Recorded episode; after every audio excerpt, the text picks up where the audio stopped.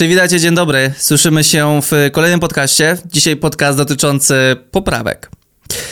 Poprawek, których nikt z nas y, nie lubi. Nie dziwmy się, ponieważ często po procesy poprawkowe są żmudne, pełne niezrozumień i kończą się bardzo często w nerwach.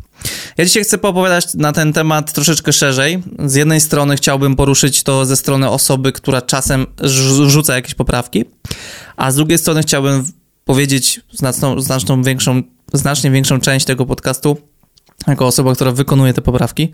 Już od przyszłym roku będzie 10 lat. Więc myślę, że mam jakieś doświadczenie. Yy, trochę o takim zabezpieczaniu się prawnym, może nie tyle prawnym, ale o tych jakichś moich doświadczeniach związanych z tymi poprawkami i o tym, co zasłyszałem od moich yy, kolegów. Yy, a kurczę, nie wiem czemu, ale z tymi poprawkami jest tak, że nikt nie chce o nich mówić. Może każdy z nas chce o nich zapomnieć. Czasem faktycznie nie dziwię się, bo są specyficzni ludzie czasem.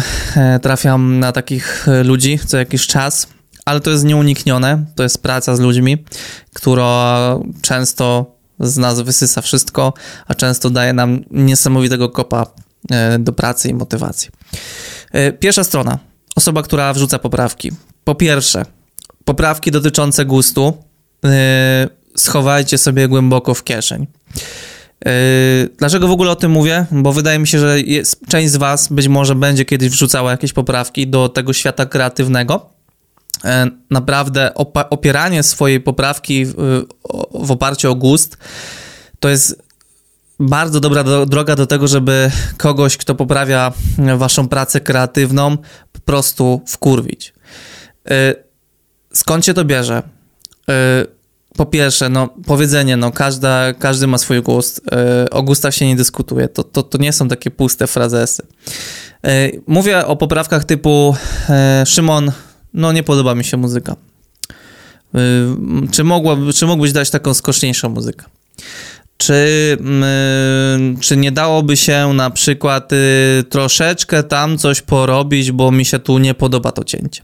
A czy ten detal musi by tak by, mi się nie podoba ten, ten detal, wszystko takie gdybanie na temat jakiegoś mm, waszego gustu, y, naprawdę odstawiamy sobie gdzieś, bo no kurczę, ktoś i jest twórcą trochę, nie?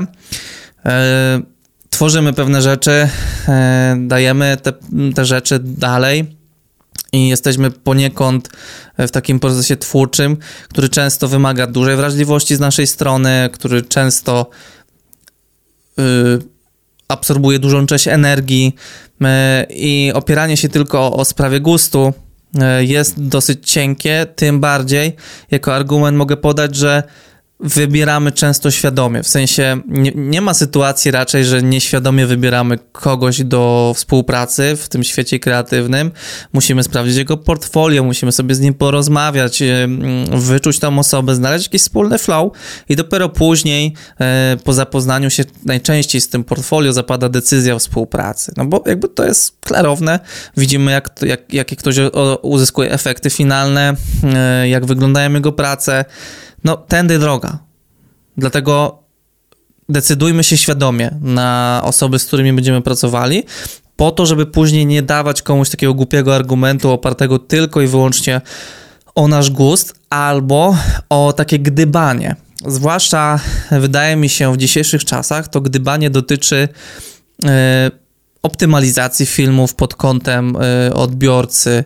Y, gdybanie na temat formatu na YouTubie. Ogólnie mówię o takiej produkcji mm, skierowanej do internetu. E, w zasadzie cały ten podcast raczej tego dotyczy. E, no bo gdzieś tam powiedzmy w jakichś formach scenariuszowych raczej tu mamy wąskie pole do gdybania czy do gustu, bo mamy raczej wszystko rozpisane. O tyle w internetowym świecie i w internetowych relacjach i realizacjach często pojawia się taki efekt spontanu, improwizacji i z niego mogą wynikać pewne problemy mm, w zrozumieniu obydwu stron. E, dlatego e, te gdybanie na temat na przykład optymalizacji albo gdybanie, czy jeżeli zrobimy tak, to czy coś zadziała, czy coś nam wydłuży na przykład watch time, albo go skróci, albo jeżeli tu będziemy mieli taki kolor, to coś tam. bardzo często okazuje się, że spalamy na to bardzo dużą y, część naszej energii, y, zupełnie niepotrzebnie, bo jakby nomen omen to niewiele zmieni w finalnym celu naszego projektu albo w finalnym filmie. A nawet często jest tak, że prześpimy rzeczy, które powinny zostać poprawione ewidentnie, yy, a tego nie zrobimy, bo prze, przepaliliśmy całą naszą energię na jakieś absurdalne yy, zmiany, nie wiem, wielkości fontu, albo spacingu, albo boldowaniu, albo coś tam i, i, i takie, takie, takie rzeczy po prostu yy, są energochłonne bardzo.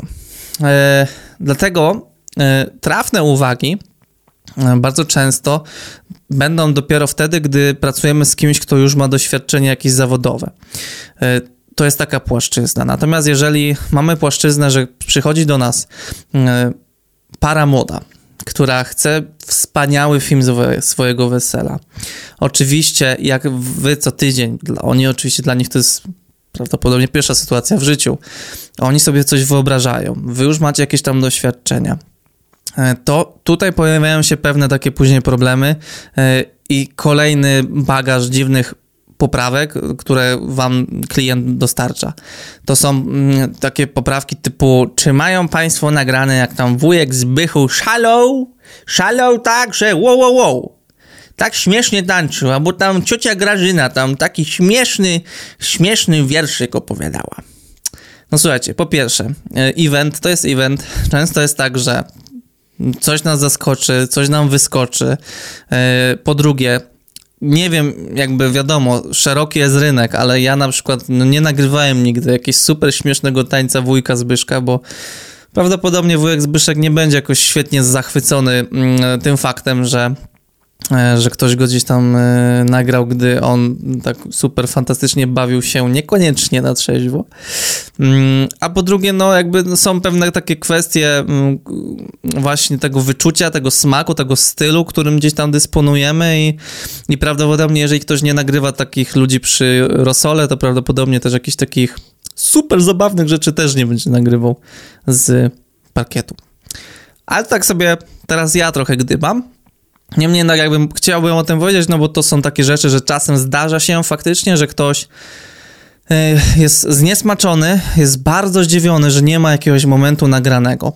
Tym bardziej, że jakby tu wchodzimy w taki trochę paradoks, bo no kurczę, już nie powtórzymy tego. Jakby osoba, która już ma materiał na karcie, to już ma materiał na karcie. Oczywiście możemy zapytać, czy nie udało wy, może wam się takiej sytuacji nagrać. Nie kojarzycie na przykład, żeby, żebyście nagrywali, ale na pewno nie możemy rościć sobie, e, nie możemy mieć do kogoś żalu, że nie nagrał wujka Zbycha albo cioci Grażynki akurat w tym danym e, momencie, nie? Dlatego, jeżeli chcecie wrzucać jakieś poprawki, warto jest po prostu e, ustalić wszystko od A do Z, przy, podzielić się swoimi oczekiwaniami i mieć przede wszystkim podejście.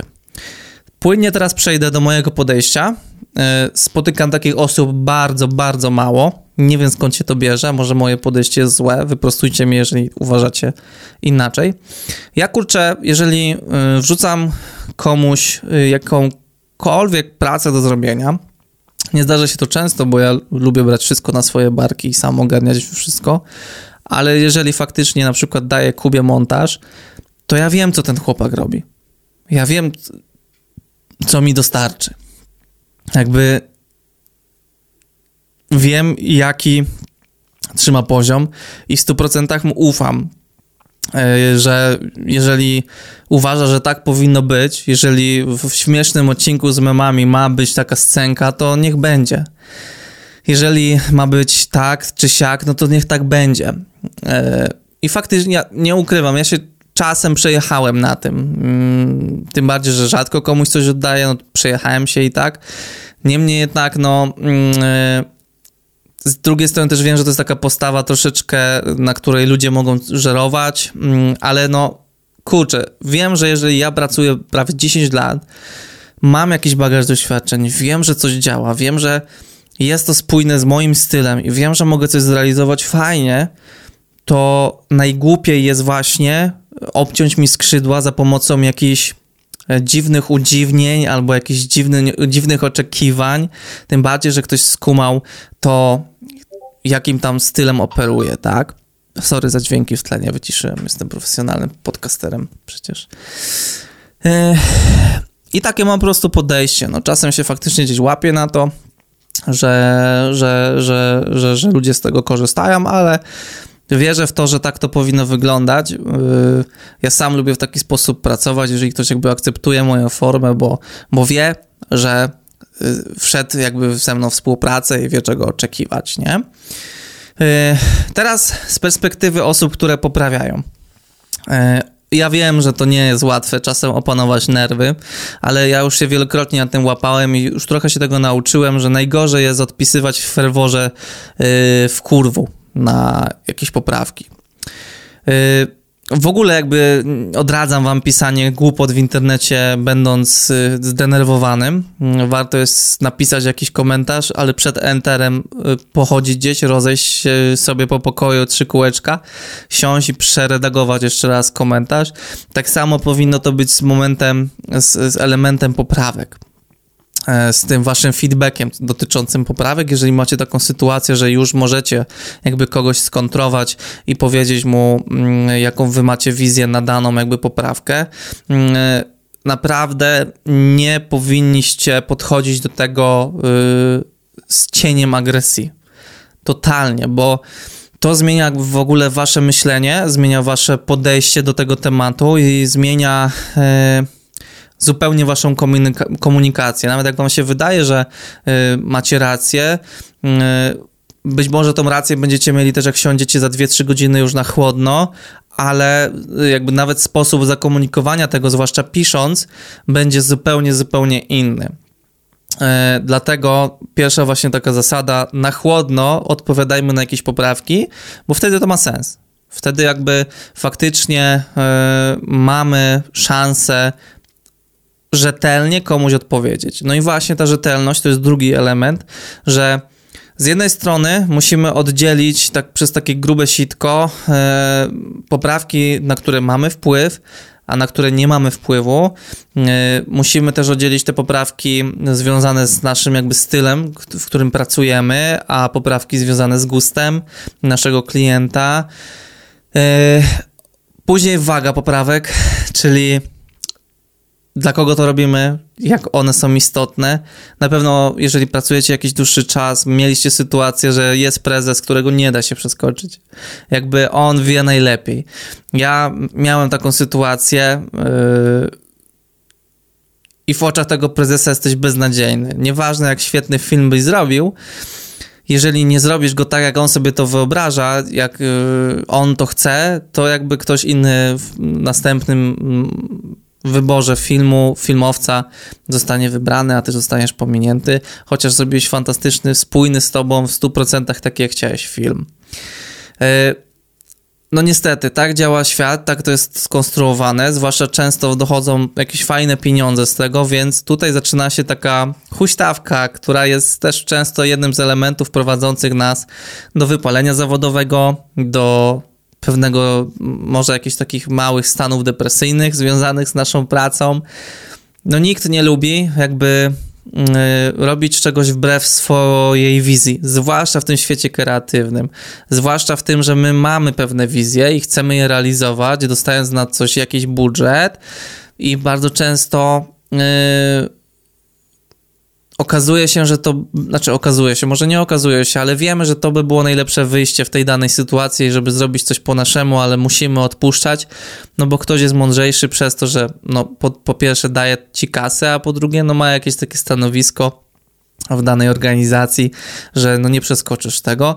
No i też y, kolejna sprawa, y, czyli osoba, która też zleca jej podejście to właśnie, jeżeli trafisz na mnie, to prawdopodobnie dogadamy się, y, znaczy, no dogadamy się na pewno, tak? I, I, ja nawet pewnie nie będę dawał jakichś poprawek, ewentualnie w bardzo łagodny sposób będę podpytywał, o co tu chodzi. I to też być może źle, ale z drugiej strony trafisz na kogoś tak upartego, że nieważne jak solidne, rzetelne faktycznie merytoryczne argumenty będziesz dawał nad te poprawki, okazuje się, że no nie ma szans. Jakby zawsze jest jakiś taki idiotyczny argument z drugiej tej strony, którego nawet nie jesteś, nie chce ci się nawet czegoś komentować, po prostu ktoś pierdolnie coś takiego, że, że ci się nie chce tego jakby w ogóle kont argumentować. To są najgorsze rzeczy, po prostu nie da się tego rozchodzić nawet przez cały dzień w pewnych momentach. Yy, yy, musimy też pamiętać, że no yy, w naszym świecie trochę jesteśmy narzędziami. Mamy wiedzę, ale tak naprawdę niewiele różnimy się od młotka. Młotek, ktoś bierze młotek, wbija gwoździa, uderzy się czasem w palec, czasem sobie ten młotek gdzieś tam włoży, albo go zgubi, albo znajdzie sobie inny. I prawda jest trochę taka, że z nami jest bardzo podobnie. My może od młotka trochę więcej mamy emocji, może trochę więcej myślimy, ale ludzie, którzy do nas przychodzą i kładą nam na stół yy, jakąś kasę, często widzą w nas właśnie taki zwykły młotek. Czyli biorą nas, nasze narzędzia, które mamy, naszą wiedzę dotyczącą tych narzędzi i wykorzystują je w jakiś swój sposób, który sobie wysnuli, wysnuli sobie jakąś wizję. Częściowo zaczyna się to zmieniać, patrząc z perspektywy lat. Ludzie oczekują od ciebie, że ty będziesz im podsuwał rzeczy, że ty będziesz argumentował, że ty im pokażesz gotowe rozwiązania, poprzesz je odpowiednimi argumentami, e, poprzesz je swoją wiedzą, poprzesz je swoim portfolio. E, I to jest świetna wiadomość dla wszystkich tych, którzy może nie do końca gdzieś tam są zachwyceni z procesów poprawkowych albo współpracy z, z jakimiś uparciuchami. I cieszę się, że to tak wszystko się zmienia. Niemniej jednak oczywiście czasem musimy coś, już schodząc jakby na taki faktyczny temat poprawek, czasem musimy coś poprawić. Nie, nie bądźmy też tacy uparci. Mi się czasem zdarza faktycznie, będąc szczerym przed wami, wiecie doskonale, że zawsze jestem na podcaście, no czasem jestem taki uparty i widzę tylko swoją wizję, ale chyba to jest coś, co siedzi w ludziach, którzy tworzą jakieś takie rzeczy mm, w świecie kreatywnym, bo no, czasem musimy być uparci, czasem musimy e, trzymać się swojej racji, bo, bo coś stworzyliśmy. Każdy prezes wielkiej firmy, każdy twór, nawet ja, jakby jako twórca filmujemy, będę bronił, filmujemy rękoma, nogami, y, bo, bo stworzyłem to, tak? I, I ciężko pracuję na ten sukces każdego dnia. I no jak będziesz się długo patrzył, to, to zobaczysz po prostu, no, parafrazując Białasa. I też tak jest z naszymi filmami, z naszą pracą kreatywną. No jeżeli e, będziemy e, trafimy na jakąś taką upartość ze strony wykonawcy, to też spróbujmy trochę się tak rzetelnie, znaczy rzetelnie, po prostu tak skumać, nie? Że on coś tworzył, poświęcił na to czas, włożył jakąś energię w to wszystko, a my coś chcemy tam pomaczać te paluchy, mm, też być może nieświadomie popełniając jakieś błędy i może chcemy coś poprawić i, i tak to wygląda. Na pewno E, podsumowując, może to nie jest super odkrywcze, na pewno e, bardzo obiektywne podejście z obydwu stron spowoduje, że spotkamy się bardzo szybko w środku.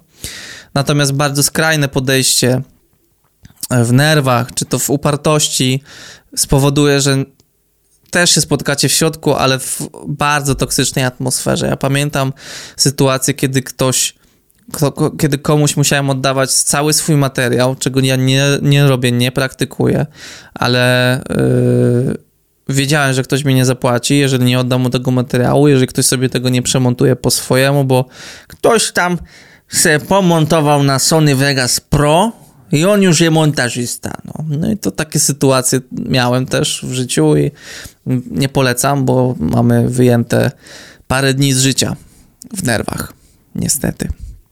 E, kwestia prawna. E, prawna, no prawna jak prawna. E, różne są rozwiązania dotyczące poprawek. Ja na przykład wiem, że są poprawki w cenie. Poprawka to jest czas. Czas równa się finanse. Finanse równa się zwrot, czyli zarobek. Chyba, no, tak mi się wydaje. Różnie to bywa. Niektórzy na przykład poprawiają dany czas, czyli masz do wykorzystania maksymalnie 30 sekund tego finalnego filmu do, do poprawki. E, często na przykład e, ludzie to rozbijają sobie na poprawki typu pięć poprawek. Czyli tu ci się coś rozjechało, tutaj zamień to ujęcie, bo nam coś się nie podoba, no i takie pięć poprawek. E, wtedy mm, no tak to możemy rozwiązywać. Mam y, też takie doświadczenia, że ktoś robił, że y, masz trzy poprawki w cenie, każda następna już kosztuje na przykład 20% kwoty, na którą się ugadaliście, tak? To jest fajne podejście, bo jakby ktoś nie, za, nie będzie nam zawracał y, gitary niepotrzebnie, i będzie miał świadomość, że będzie musiał później jakby wyrównać ten rachunek.